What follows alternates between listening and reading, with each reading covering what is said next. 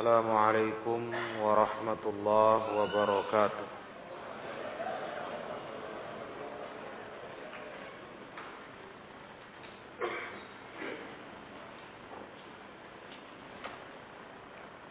إن الحمد لله نحمده ونستعينه ونستغفره ونعوذ بالله من شرور أنفسنا ومن سيئات أعمالنا من يهده الله فلا مضل له ومن يضلل فلا هادي له أشهد أن لا إله إلا الله وحده لا شريك له وأشهد أن محمدا عبده ورسوله يا أيها الذين آمنوا اتقوا الله حق تقاته ولا تموتن إلا وأنتم مسلمون يا أيها الناس اتقوا ربكم الذي خلقكم من نفس واحدة وخلق منها زوجها وبث منهما رجالا كثيرا ونساء واتقوا الله الذي تساءلون به والأرحام إن الله كان عليكم رقيبا يا أيها الذين آمنوا اتقوا الله وقولوا قولا سديدا يصلح لكم أعمالكم ويغفر لكم ذنوبكم ومن يطع الله ورسوله فقد فاز فوزا عظيما فإن أصدق الحديث كتاب الله وخير الهدى هدى محمد صلى الله عليه وسلم وشر الأمور محدثاتها فإن كل محدثة بدعة وكل بدعة ضلالة وكل ضلالة في النار. أما بعد إخوتي في الله رحمكم الله.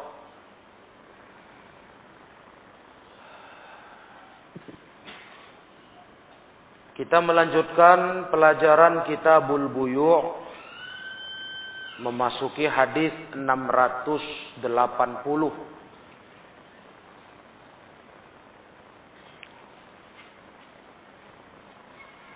Hadis ini dibawakan Al-Imam Ibnu Hajar Al-Asqalani rahimahullah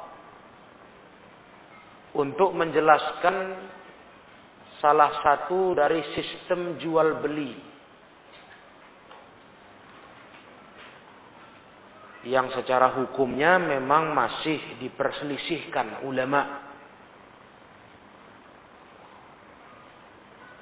Diperselisihkan dikarenakan hadis yang akan kita baca berikut ini sebahagian ulama menganggap ini sahih, sebahagian menganggap ini dhaif tidak bisa dipakai. Sehingga timbullah perbedaan pandangan di antara para ulama. Kita lihat hadisnya, ikhwah. Wa an Amr bin Shu'aib an abihi an jaddihi radhiyallahu anhu qala. Hadis ini dikenal hadis Amr bin Shu'aib. Artinya ketika ulama membedah hadis ini mereka membahasakannya dengan hadis Amr bin Shu'aib. Dari ayahnya, dari kakeknya, semoga Allah meridhoinya, beliau berkata, Naha Rasulullah sallallahu alaihi wasallam an bai'il urbani. Rawahu Malik. Qala balaghani an Amr bin Shu'aib bihi. Kata beliau, Rasulullah sallallahu alaihi wasallam melarang dari jual beli urban. Jual beli sistem urban. Lihat ikhwani fiddin para jemaah rahimakumullah. Apa itu sistem urban? Kalimat urban ini banyak kata yang sama dengan maknanya.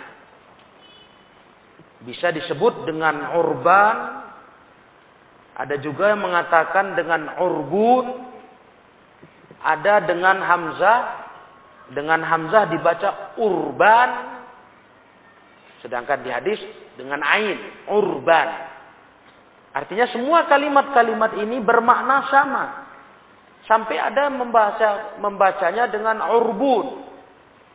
Dan itu maknanya sama, yaitu secara bahasa ini istilah transaksi dalam jual beli.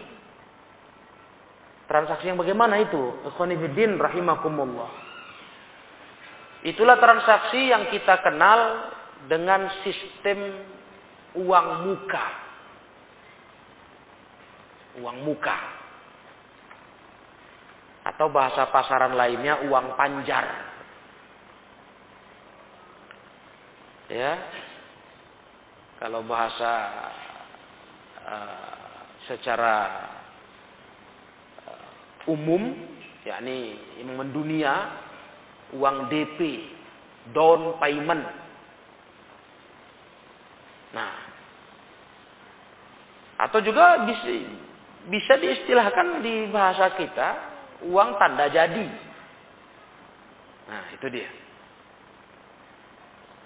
Kalau dari hadis ini, ikhwanifiddin, sistem urbun ini, uang muka atau yang semisalnya tadi, ini dilarang Rasulullah Sallallahu Alaihi Wasallam.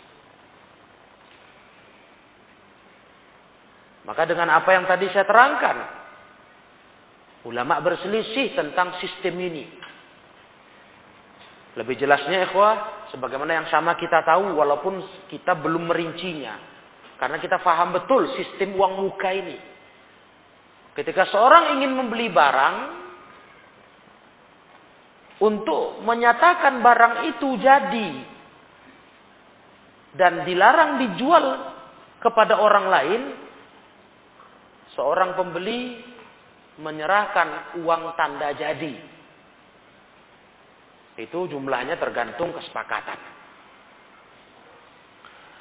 Dengan akad seperti ini, ya Kalau nanti barang itu dilunasi, diambil, maka uang tanda jadi tadi DP tadi itu dimasukkan dalam total harga barang.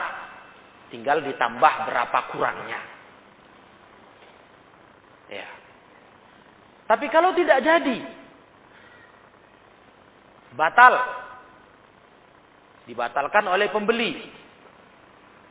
Atau dibatalkan secara waktu yang sudah ditentukan. Ditentukan waktunya sekian hari, sekian pekan. Kalau tak jadi berarti batal. Nah, uang tanda jadi tadi dianggap jadi milik penjual barang. Nah, itu dia. Menjadi milik penjual barang. Berarti si pembeli tak bisa menagihnya kembali. Nah, itu konsekuensi dia sudah pasang tanda jadi, uang muka, dan penjual pun tidak menjualkan barangnya ke orang lain. Sekalipun ada orang menawar. Kan itu konsekuensi kalau sudah kita panjar.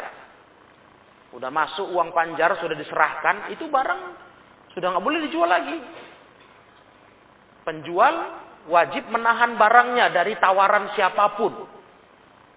Nah, karena sudah ada orang yang manjar. Tanda jadi. Nah begitu.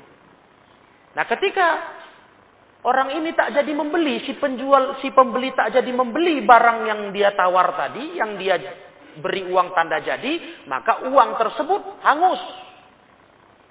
Jadi milik si penjual barang. Nah, sistem jual beli inilah para ikhwah rahimakumullah yang diperselisihkan para ulama. Kita melihat kepada empat mazhab saja.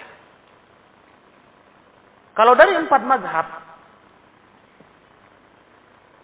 Sistem jual beli urbun ini dinyatakan jual beli yang tidak boleh. Jual beli yang tidak boleh. Berarti tidak sah. Ini pendapat pertama. Sistem jual beli dengan DP jual beli yang tidak sah. Dan ini adalah pendapat tiga imam mazhab tiga imam mazhab. Dari empat ada tiga yang sepakat dengan larangan ini. Mereka berdalil dengan hadis tadi. Para ulama mazhab yang tiga ini lebih tepatnya kita sebut Imam Abu Hanifah, mazhab Hanafi. Al-Imam Malik, mazhab Maliki. Dan Al-Imam Ash-Syafi'i, mazhab Syafi'i. Mereka menyatakan tidak boleh jual beli dengan sistem DP, dengan sistem uang panjar, tidak sah itu karena tadi itu dilarang Nabi. Mereka memandang hadis itu bisa dipakai. Nah, coba ya. Ini fikih tiga mazhab. Maka udah berapa kasus ya kalau ikhwan masih terus mengingat kajian fikih ini.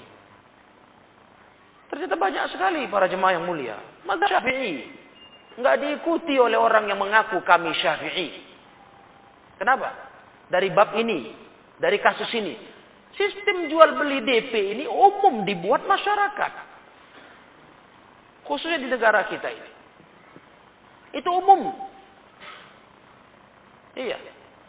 Malah mungkin orang nggak pernah menduga hal ini ada pembahasan ulama. Orang mengira ya wajar saja tanda jadi uang pengikat. Iya kan? Tanda sah kita panjar. Padahal kalau kita kaji ma'asyiral ikhwah sebagaimana bahasan malam ini. Mazhab Syafi'i di antara tiga mazhab yang menganggap sistem jual beli seperti itu tidak sah. Kenapa? Karena di situ ada unsur fasadnya, kerusakan muamalahnya. Di situ ada unsur horor, spekulasi. Kata tiga madhab ini. Oleh karena itu, tiga madhab ini menyatakan sistem jual beli seperti itu termasuk kategori memakan harta orang dengan cara batil. Memakan harta orang dengan cara batil. Khonifuddin yang mulia. Ya kalau jadi. Kalau jadi oh, salah sudah. Kalau nggak jadi, uang orang ini kok bisa jadi milik si penjual. Hah. Kalau jadi tidak ada masalah kok. Yang jadi masalah tadi, ketika tidak jadi yang namanya sistem jual beli urbun atau urban, sistem DP, ini aturannya uang DP, uang muka, uang panjar itu hangus. Itu masalahnya. Kalau jadi, tidak ada masalah. Karena uang itu dipotong nanti dengan kekurangannya. Jadi digabung. Kan begitu. Tapi masalahnya tidak jadi. Dan itu sering. Sering bermuamalah kita seperti itu. Batal. Yang batalkan pihak pembeli. Ada dibatalkannya Mungkin dia mau ambil barang lain, ada mungkin faktor waktu, tempo yang sudah lewat. Dikasih tempo oleh oleh penjual. Nah, saya kasih tempo satu pekan.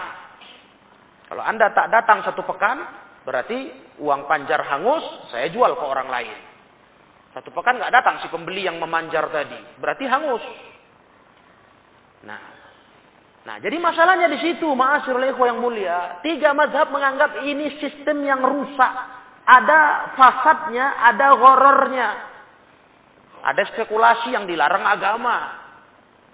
Ya, terutama mereka berpegang dengan hadis tadi, Amr bin Shu'aib. Ya, lihatlah. Ini kalau kita betul-betul bicara hukum fikih. Maka itu kebanyakan orang mengaku saja ya zaman kita ini. Nggak ada yang betul-betul bermadhab itu nggak ada. Cuma pengakuannya saja besar. Syekh Albani menjamin itu. Nggak ada zaman ini kita yang betul-betul Hanafiyun. Murni. Betul-betul Hanafi tulen, Syafi'i tulen, Maliki tulen, Hambali tulen. Tak ada, kata beliau. Itu Syekh Albani. Cuma besar cerita orang begitulah. Dengan mantap dia berkata, saya Syafi'i, kami Syafi'i. Kita Syafi'i. Jangan dia nggak paham mazhab Syafi'i. Nggak usah jauh-jauh masalah yang sifatnya ini khilafiyah ini ya, fikhiyah. Nah, masalah akidah Syafi'i pun dia tahu. Imam Syafi'i bilang Allah di langit, dia bilang di mana-mana. Nah, tapi selalu berkuar-kuar kami Syafi'i. Imam Syafi'i bilang Allah di langit sana. Akidah Syafi'i.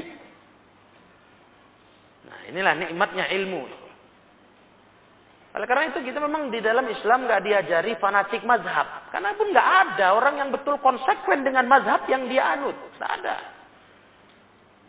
Karena intinya banyak orang memang mayoritasnya mungkin keseluruhannya tak mengilmui mazhab itu secara mendetail. Ini contoh lagi, dapat lagi kita contoh. Mana yang syafi'i itu? Mana yang syafi'i itu? Ya, Mau mereka dilarang dari jual beli sistem panjar. Sistem tanda uang muka, tanda jadi, DP. Ada mau? Nah, mau mereka. Nah, jadi para ikhwan yang dirahmati Allah tabaraka wa taala. Maka ini termasuk yang dianggap oleh madhab yang tiga itu, termasuk ini makan uang manusia, makan uang sesama dengan batil.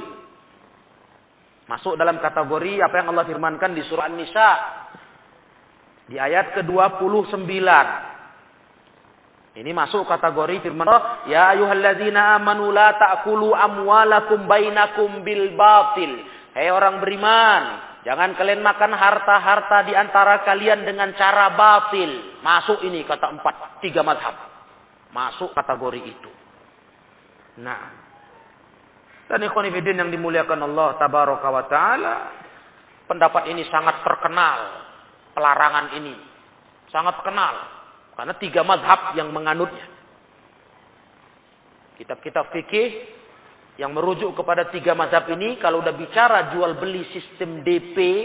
Pasti ikhwa akan temukan larangan keras. Menyatakan itu sistem tidak sah. Makan uang DP itu haram. Hmm. Tinggal satu madhab para ikhwah. Madhab yang membolehkan sistem jual beli urban. Sistem jual beli DP, uang muka tadi. Tinggallah madhab hambali. Madhab hambali. Al-Hanabilah. Imam Ahmad rahimahullah. Yang menegaskan kebolehan sistem jual beli dengan sistem DP. Coba lihat. Ternyata di kalangan mereka-mereka yang mengaku syafi'i, madhab hambali ini laku keras. Hmm, kenapa cocok selera? Itunya masalahnya. Kalau cocok selera diambilnya. Laku keras. Nah, yang mulia. Kalau orang mengambil madhab hambali dengan dasar ilmu ya tafadhol, silahkan. Iya. Sama seperti laku kerasnya, saya mengingatkan ikhwah. Laku keras madhab hambali di Indonesia. Yang katanya syafi'i tulen. Pendapat apa? Sampainya kirim pahala. Itu hambali. Syafi'i nggak ada sampai. Kecuali amal masing-masing. Itu syafi'i. Tapi kenapa nggak ada mau ngambil syafi'i dalam hal ini? Kenapa kok sangat cinta dengan hambali? Karena itu cocok selera. Itu yang udah kami buat bertahun-tahun. Nah, begitulah Esa. Ini saya sampaikan hanya untuk menunjukkan kepada Esa yang mulia. Bahwasanya memang tidak ada keharusan bermadhab dengan fanatik itu nggak ada dalam Islam. Kita ikut madhab ya memang begitulah beragama. Jadi ikut siapa kita? Jangan dibilang kita nggak ikut madhab mana pun. Tidak, kita ikut madhab. Kita ikut madhab yang paling dekat kepada kebenaran. Itulah fikih yang betul. Nggak mungkin kita lepas dari madhab. Jadi pendapat siapa kita ambil? Hah? Kita siapa? Kita pasti ngambil pendapat ulama mazhab. Pasti itu. Nggak mungkin kita lari ke mana yang lainnya lagi. Cuma kita nggak punya prinsip fanatik mazhab. Itu masalahnya. Bukan tak bermazhab. Kita ambil mazhab lah tentunya. Cuma kita tidak setuju sebagaimana para ulama mazhab tidak mengharuskan bermazhab. Tidak ada mengharuskan bermazhab. Tak satu pun ulama mazhab mengharuskan bermazhab dengan mazhab mereka. Cuman kita ambil mana yang paling dekat kepada kebenaran hujah mereka kita lihat. Nah, itu masalahnya bukan kita tak mau bermadhab, tak mau ngambil pendapat ulama madhab. Jadi pendapat siapa kita ambil beragama? Pasti kita akan menyimpang kalau nggak terbimbing dengan ulama-ulama mazhab itu. Menyimpanglah kita. Karena bukan kapasitas kita bisa beristihad, melahirkan pendapat melahirkan fatwa, bukan kapasitas kita. Kita hanya penuntut ilmu yang mengikuti jejaknya ulama-ulama terdahulu. Itu sebenarnya cara fikir fikih yang benar. Karena kebanyakan cerita sok bermazhab ini omong kosong. Tak ada. Hmm.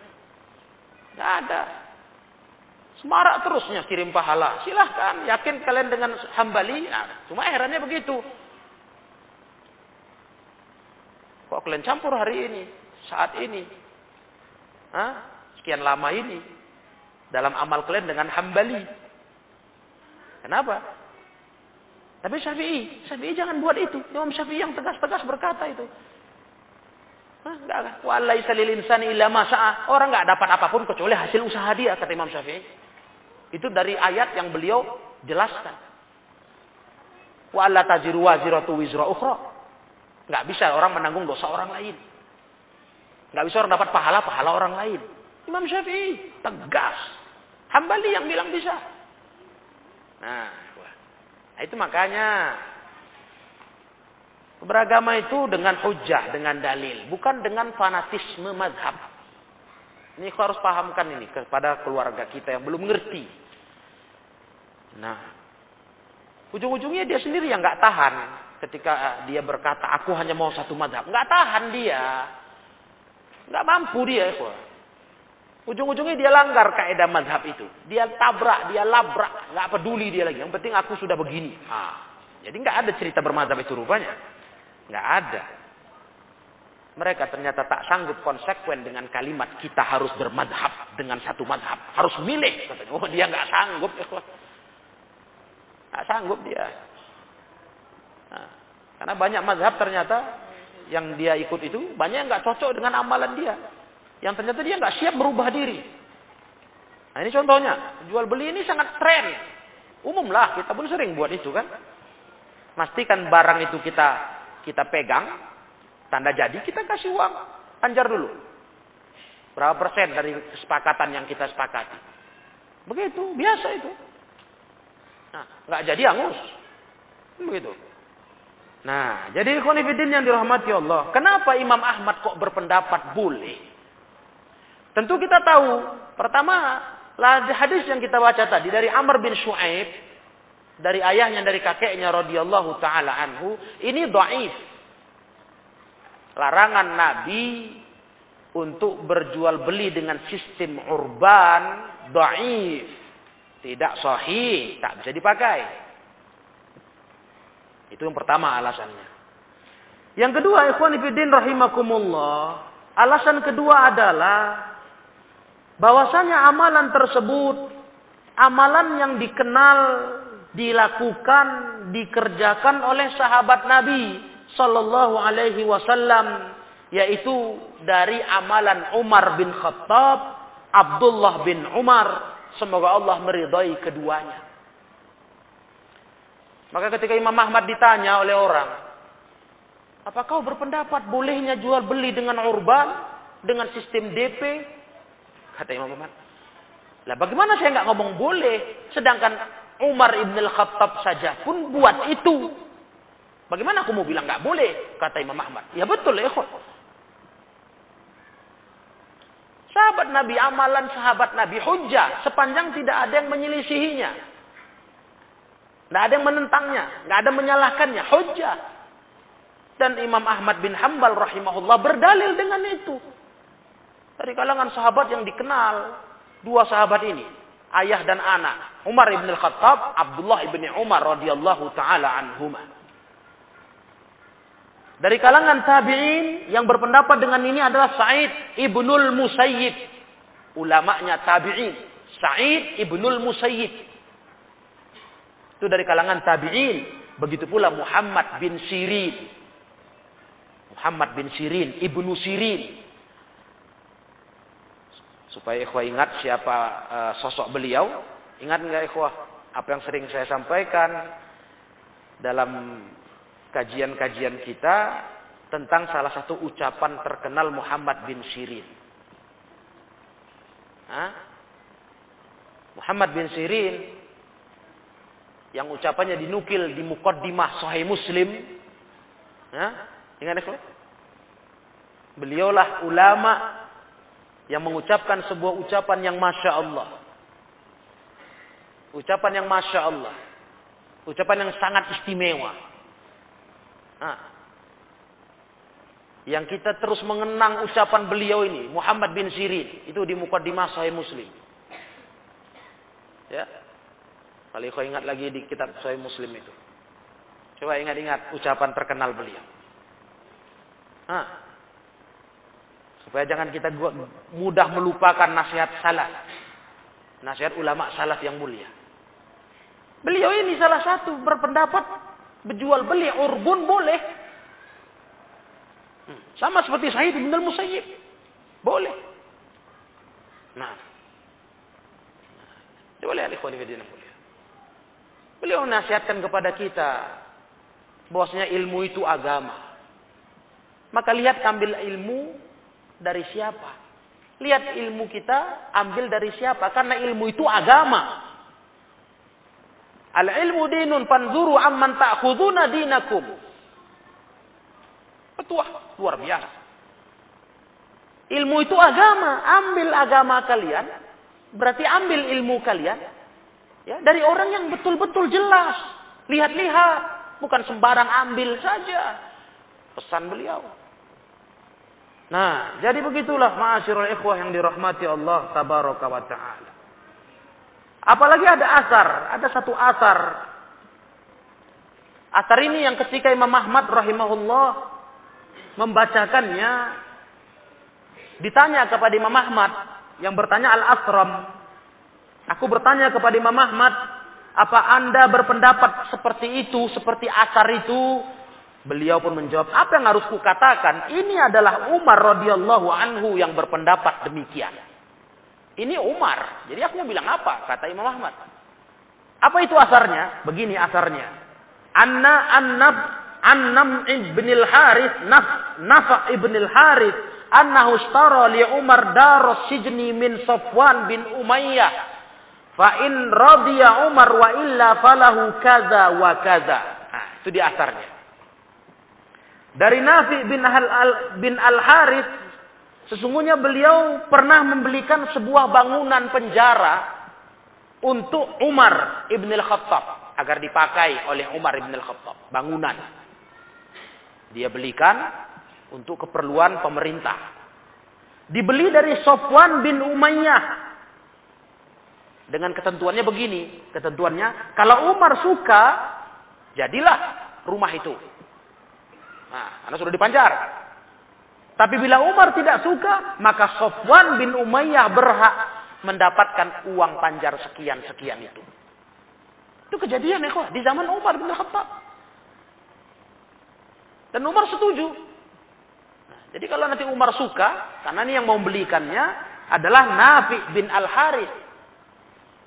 Dia mau sedekah lah begitu ya, beli rumah, ya, rumah ini nanti diper, diperuntukkan jadi penjara bagi para kriminal. Diserahkan ke Umar. Tapi kalau Umar suka, jadilah rumah itu dibeli. Kalau nggak suka, hanguslah uang panjar untuk Umayyah, Sofwan bin Umayyah. Itu asar itu kalau ditanya kepada Imam Ahmad. Kau berpendapat seperti itu? Sama kau, setuju?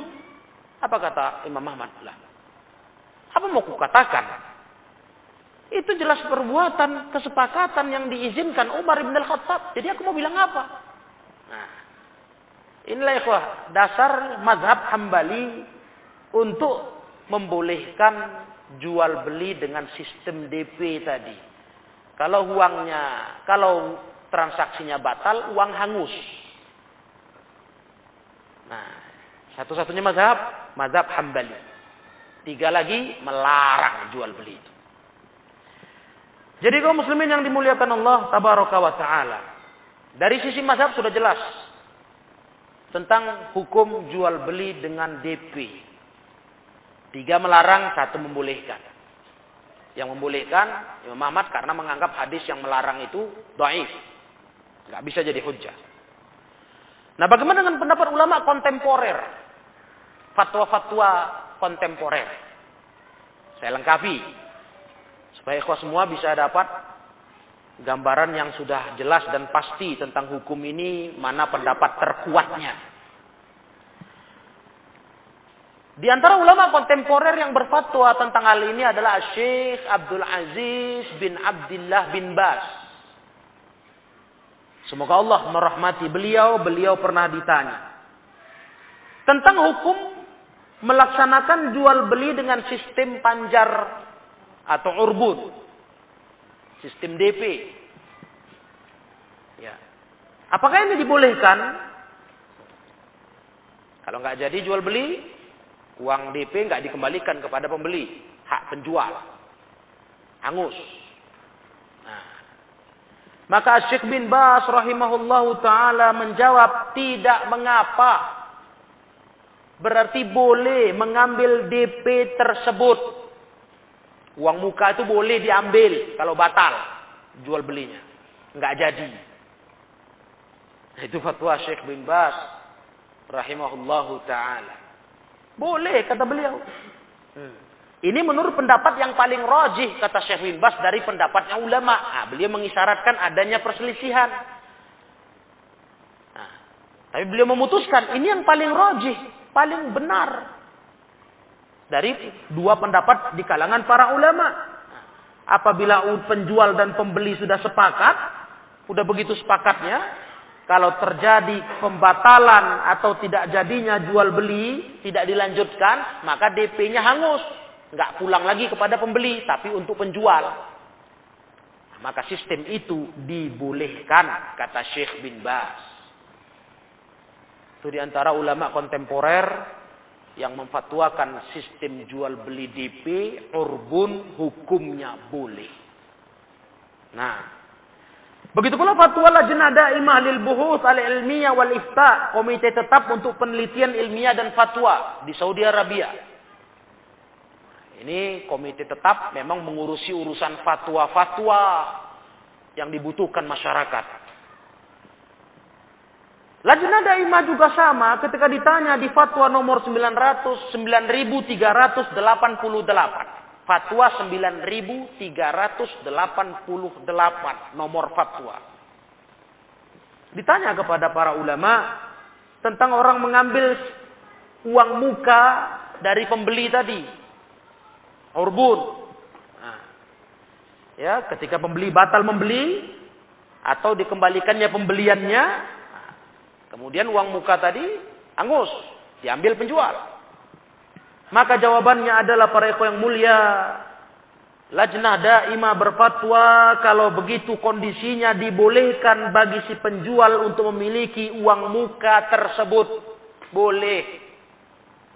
Jadi hak dia itu uang muka itu. DP itu jadi hak dia. Itu boleh kata Syekh bin Bas. Nah, kata lajnah daimah Ya, kalau ada imam memang Syekh bin Bas ada di situ ikhwah. Cuma ini kan kumpulan ulama besar. Jadi banyak pendapat adu argumentasi lahirlah fatwa ini. Itu dia lajnah imam, komite fatwa.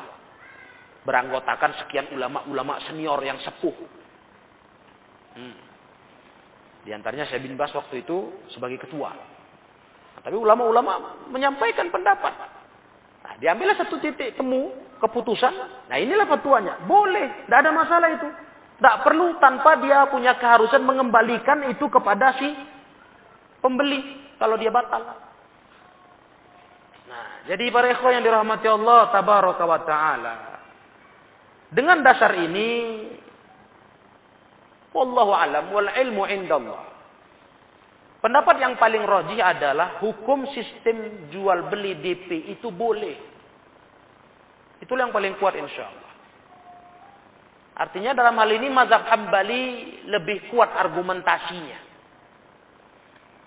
Dikarenakan Nabi yang melarang tadi di hadis Amr bin Shu'aib, doif.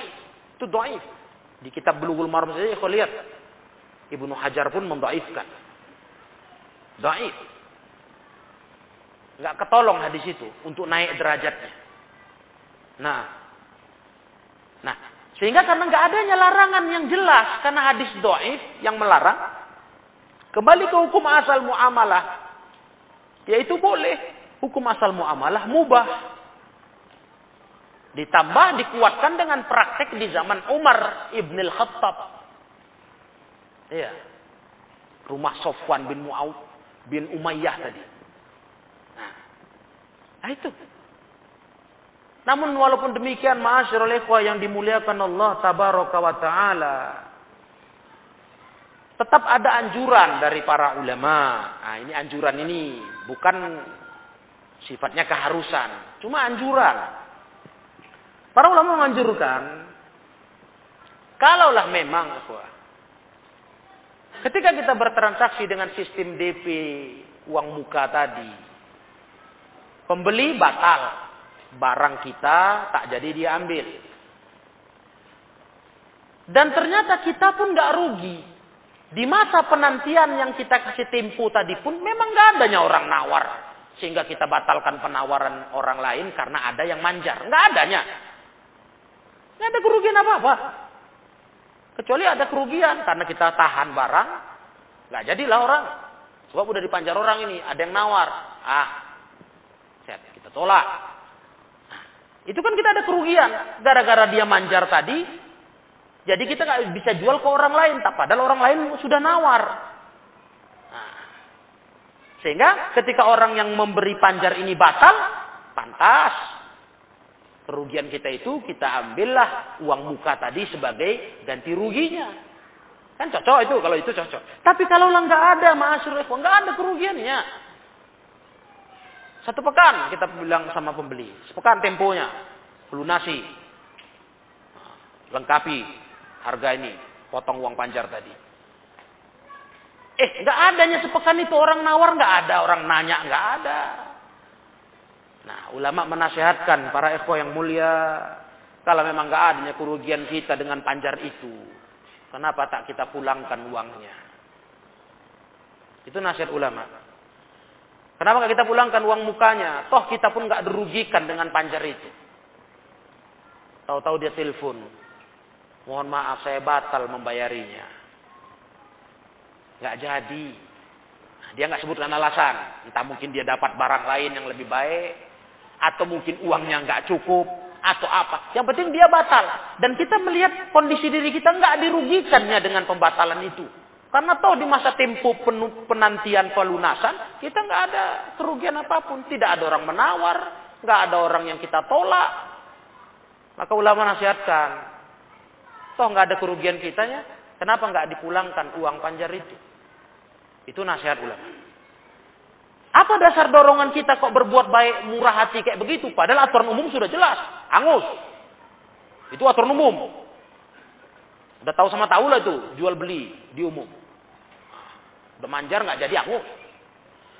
Dasar kita dorongan untuk kita berbuat baik seperti itu dalam muamalah ikhwah adalah sebuah hadis Nabi sallallahu alaihi wasallam Nabi SAW pernah bersabda, Man aqala musliman aqalahu Allahu atrotahu. Itu hadis sahih.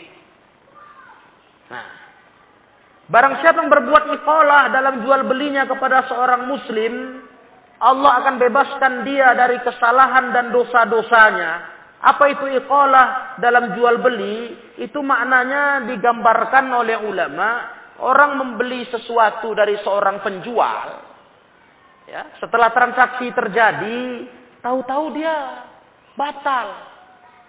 Ini bahkan bukan hanya urusan uang muka ya. Udah jual beli. Udah jual beli. Berarti lebih Lebih pasti lagi sudah selesai. Bukan hanya uang muka. Udah sah. Bayar-bayaran.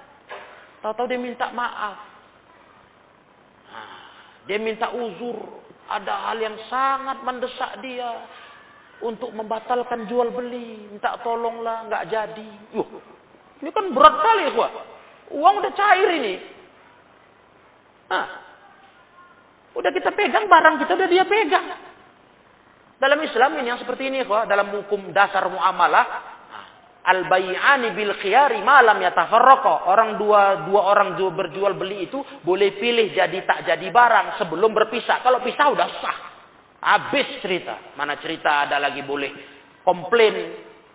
Tahu-tahu hari ini lunas pembayaran semua selesai kwitansi Besok balik lagi dia. Nggak jadi boleh nggak? Mana ada cerita.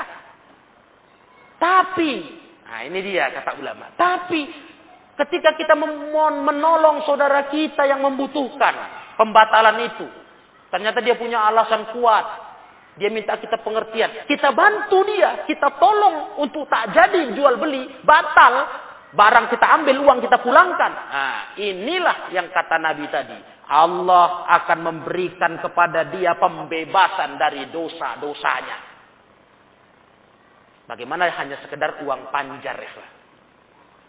Ini udah jadi, udah bayar kontan. Itu pun dianjurkan oleh Islam. Kalau betul saudara kita itu butuh kali batal.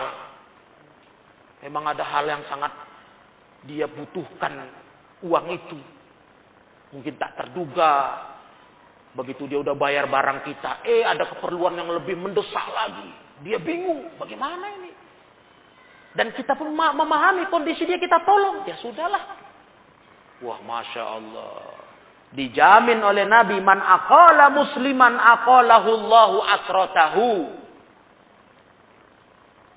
Apalagi sekedar uang panjar.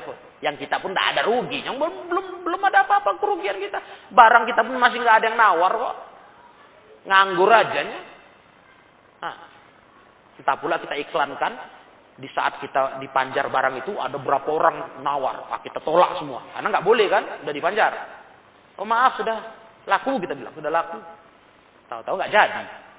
Nah, mungkin itu adalah ada gimana rasa kita, wah ini rugi saya jadinya saya tolak berapa orang nawar gara-gara kamu. Itu bolehlah, memang boleh kita ambil pun hak kita itu. Ada unsur ganti rugi dari e, kekurangan yang dia lakukan atau kepada kita. Ini kekurangan dalam transaksi jual beli, kurang serius lah, gitu. merugikan kita. Tapi kalau nggak ada sekali lagi, kalau nggak ada, kalau nggak ada, kira-kira apa beratnya kita? Kita nggak dirugikan dia, Ya. Dan ternyata kita pulangkan pun kita nggak ada masalah.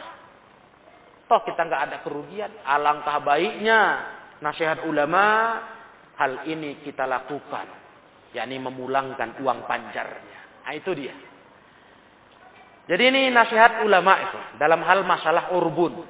Al-urbun, al-urban, al-urban. Ya, semakna semua itu. DP, uang muka, uang panjar, uang tanda jadi, dan sebagainya.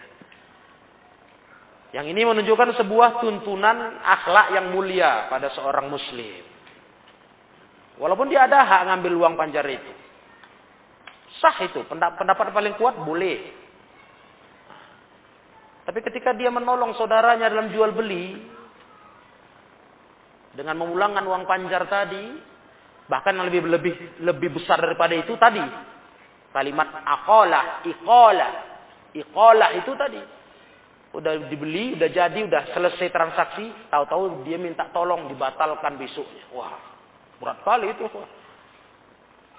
Ya, macam-macam di pikiran kita kalau udah digitukan orang. Nah, ini main-main atau pura-pura nipu atau mau cari untung mungkin dia tengok barang lagi lebih murah macam-macam ini di otak ini masuk bisikan bisikan kepada kita ah, jangan jangan mana ada orang jual beli begitu tapi kan kita bisa menyaring, bisa kita lihat apa alasan dia. Nah, kenapa dia batal? Toh udah transaksi sah, udah selesai lah, udah tutup buku harusnya itu, nggak bisa batal lagi. Begitu dia sampaikan argumentasi alasan dia, kita bisa memakluminya, menolong dia. Itulah keutamaannya. Man aqala musliman aqalahu Allahu asratahu. Apalagi sekedar uang panjar. Nah, demikianlah para ikhwan yang dirahmati Allah terkait dengan pelajaran kita di hadis 680. Mudah-mudahan ikhwan semua bisa ngerti seputar perselisihannya, pendapat yang paling kuatnya, nah, dan nasihat ulama. Kalau memang bisa nyata ada merugikan kita, kenapa tak kita pulangkan saja? Inilah keistimewaan akhlak kita. Ya, mungkin jadi dengan kita bermurah hati, mulangkan panjar dia. Bisa jadi barang kita ditawar orang lebih mahal. Kenapa tidak? Atau dibeli orang, lebih berkah lagi uangnya. Kan kita nggak tahu, Pak. Balasan Allah itu kayak apa. Yang pasti itu berbuat berbuat kebaikan. Nah, itu berbuat kebaikan. mana tahu ditawar orang lebih tinggi, dengan proses yang gampang, mudah. Atau kalaupun ditawar dengan harga sama, lakunya lepasnya sama dengan yang nggak batal tadi, dengan uang panjar kita pulangkan, lebih berkah lagi. Yang pasti pahala tadi. Aqalahullah asrotahu. Itu yang kita kejar.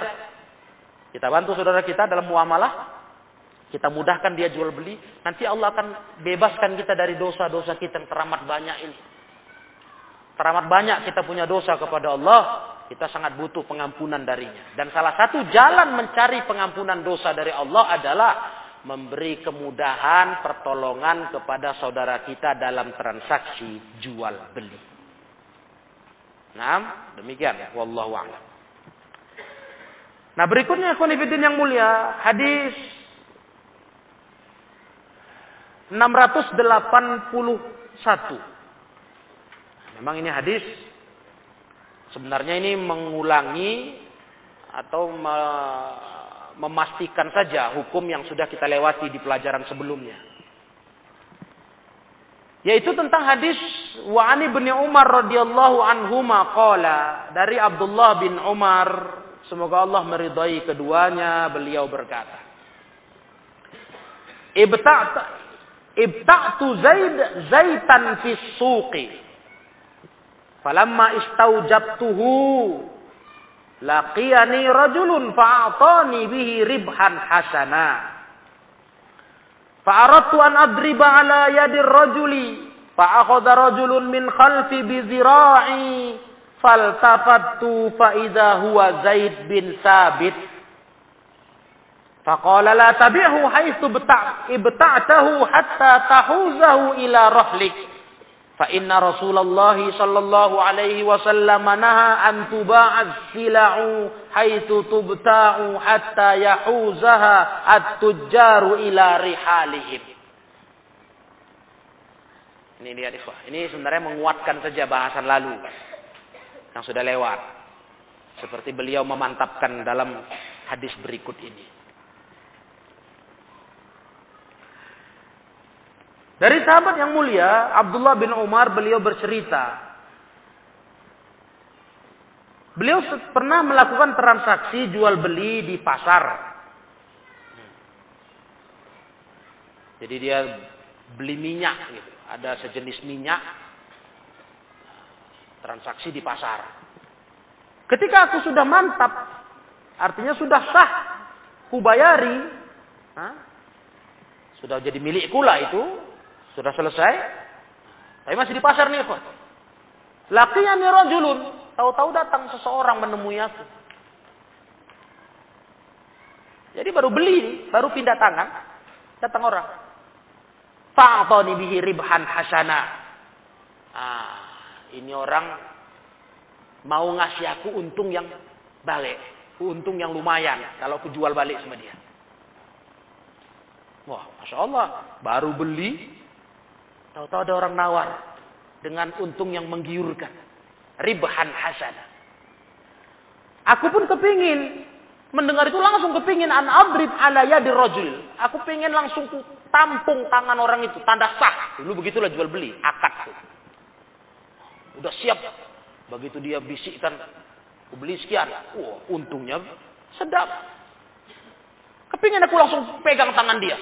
Sah, jadi. Wah, semangat lah. Bagaimana enggak ya, Iya. Bisa dapat untung yang bagus dari harga modal kita beli. Masih di pasar itu ini kasusnya. Spontan saja, baru selesai pembayaran, ada orang datang mau ngasih harga lebih tinggi kalau mau aku jual barang itu. Ternyata fa'akhadha rajulun min khalfi bi. Tahu-tahu dari belakang ada orang megang tanganku. Seperti mau perlu sesuatu. Dia pegang zira, zira ini. Pangkal lengan atas. Dari belakang. Faltafattu kata Ibnu Umar, aku menoleh, siapa ini? Faiza huwa Zaid bin Sabit. Rupanya sahabat Zaid bin Sabit. Ternyata ketika Ibnu Umar dengan orang tadi mau transaksi, Zaid bin Sabit di belakang memperhatikan dipegangnya tangan Ibnu Umar. Qala la tabi'hu haitsu bata'tahu hatta tahuzahu ila rahlik. Jangan kau jual ini, kata Zaid. Jangan kau jual apa yang kau beli ini sampai ini kau bawa pakai tungganganmu, kau bawa pergi dulu. Jangan di sini tukar pindah tangan kau jual lagi. Nah. Jangan begitu kata Zaid bin Sabit. Karena Rasulullah pernah melarang dijual lagi barang-barang dagangan itu sebagaimana dibelinya sampai pedagang itu membawanya dengan tunggangan mereka. Pernah Nabi melarang begitu kata Zaid bin Sabit langsung ditegur Ibnu Umar oleh Zaid bin Sabit. Nah, tentu kau ingat bahasan seperti ini kan? Ketika kita belajar di hadis-hadis awal Kitabul Buyu, kita sudah ketemu hadis ini, pembahasan seperti ini. Ya. Walaupun bahasan ini para ikhwan yang mulia, nah sebelumnya kita lihat dulu hadis ini riwayat Ahmad, Abu Daud, Lafaz ini lafaznya Abu Daud disahihkan Ibnu Hibban dan Imam Al-Hakim. Hadis ini sahih. Ya. Hadis ini sahih, asal hadis ini ada dalam riwayat Bukhari dan Muslim. Nah, masalah ini para ikhwah sebagaimana sudah kita bahas yang lalu, ya sudah diterangkan dari sisi mazhab. Ya, oleh para ulama sebenarnya ini dikhususkan untuk jual beli yang sifatnya butuh timbangan, ditimbang, ditakar, diukur begitu. Ya, dalam rangka untuk menjaga menghindari perselisihan hati di antara pedagang. Karena bisa nanti dia menjadi seseorang yang nggak enak, nggak tenang pikiran dia, merasa kok rugi kali aku. Ah, aku jual sekian sama dia kontan. Belum pindah tempat dia, dia bisa jual lebih tinggi lagi. Aduh, ini nanti akan menjadi apa? Kerusakan hati di antara hubungan sesama pedagang. Nah, bahkan kata ulama dalam syarah waktu itu bisa memancing dia berbuat hilah tipu daya. Wah, bisa saja memancing dia untuk berbuat curang. Yang dia bilang oh ini sebenarnya nggak jadi saya jual begini begini. Nah, karena dia tengoknya, wah enak kali ini. Hah? Pindah tangan aja untungnya bisa dua kali lipat umpama. Iya, umpama baru dibayari satu juta. Belum diangkat lagi barang. Masih di pasar itu juga di tempat. Nah, bisa laku satu juta setengah. Wah, yang iya ya ini kata penjual pertama. Timbullah ke, kerusakan hati. Nah, itu yang dilarang dalam Islam. Ya, itu yang tidak diinginkan dalam Islam. Nah, oleh karena itu menurut mazhab Hambali ya itu terkait dengan apa yang sifatnya ada e, jual beli mesti ditakar ditimbang. Artinya kalau udah ditakar ditimbang positif pasti tidak masalah. dijual lagi spontan oleh penjual tadi. Ya artinya nggak ada spekulasi e, bagi si penjual pertama dia pun udah tahu. Wah ini rezeki dia lah itu. Soalnya aku nggak rugi dengan timbangan yang sudah pasti. Nah bukan borongan, rihan sebagaimana kita bahas yang lalu bukan sistem borongan, nah, pukul rata. Nah, ini yang nanti mungkin bisa timbulkan gak enak hati. Walaupun menurut jumhur ulama hukum ini umum, umum sifatnya. Bukan hanya untuk yang ditimbang-timbang saja yang yang dikecualikan. Umum semua jual beli menurut jumhur, jumhur ulama itu baru boleh dijual kembali setelah dipindahkan. Diangkutlah kata kita sesuai hadis Nabi tadi.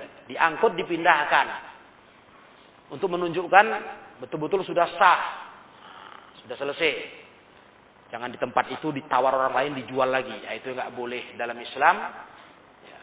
Walaupun para ikhwan dirahmati Allah, tabaraka wa taala pada bahasan yang lalu kita bahas itu dan memang jual beli seperti itu ada juga terjadi di zaman sahabat yang kita kenal dengan istilah jual beli juza, juza, juzafan. Ada. Nah, ada juga pendapat mengatakan boleh saja yang penting sudah jelas sekali transaksinya sudah putus. namun lebih aman, lebih aman, lebih terjaga, kita lebih baik menghindari perselisihan ulama. Lebih enak kita. Nah, lebih menjaga hati lah begitu. Karena nggak etis juga rasanya. Nah, baru bayar dari toko, barang belum diangkut. Tahu-tahu di situ juga ditawar orang lain, kita jual dengan harga yang lebih tinggi jauh dari harga kita beli. Kan nggak enak itu nggak nggak etis dalam e, transaksi jual beli kurang layak begitulah kira-kira itu. Nah, jadi selamat dihindari. Sekalipun ada pendapat yang sudah kita kaji di kajian lalu membolehkan itu. Sepanjang sudah jelas semua transaksi di antara kedua belah pihak penjual dan pembelinya. Nah, begitulah para ikhwah yang dirahmati Allah tabaraka wa taala. Dan Imam Ibnul Qayyim pada kajian yang lalu yang lalu pun sudah saya bacakan kepada ikhwah ya tentang larangan yang beliau sampaikan dalam jual beli seperti ini. Ini kan tidak lain kata beliau termasuk mahasinus syariah. Bagusnya syariat Islam, ya. Bagusnya syariat Islam. Dalam rangka menjunjung akhlakul karimah. Akhlak ini berlaku dalam segala aspek kehidupan. Sekalipun dalam jual beli muamalah, jagalah akhlakul karimah. Ya, bukan hanya pada perkara tertentu, tapi dalam sepuluh perkara seluruh masalah hidup ini kita harus menjaga akhlakul karimah. Nah demikianlah kaum muslimin yang mulia. Tambahan pelajaran kitab Bulughul Maram untuk malam hari ini. Kita tambahkan dua hadis. Satu hadis tentang jual beli sistem DP. Yang intinya itu boleh. Namun lebih baik kita memulangkan uang muka kalau kita nggak ada dirugikan apa pun. Dan yang kedua menguatkan kembali larangan jual beli juzab. Ya. Dan ini sifatnya memang lebih selamat lah. Kita lebih menghindar.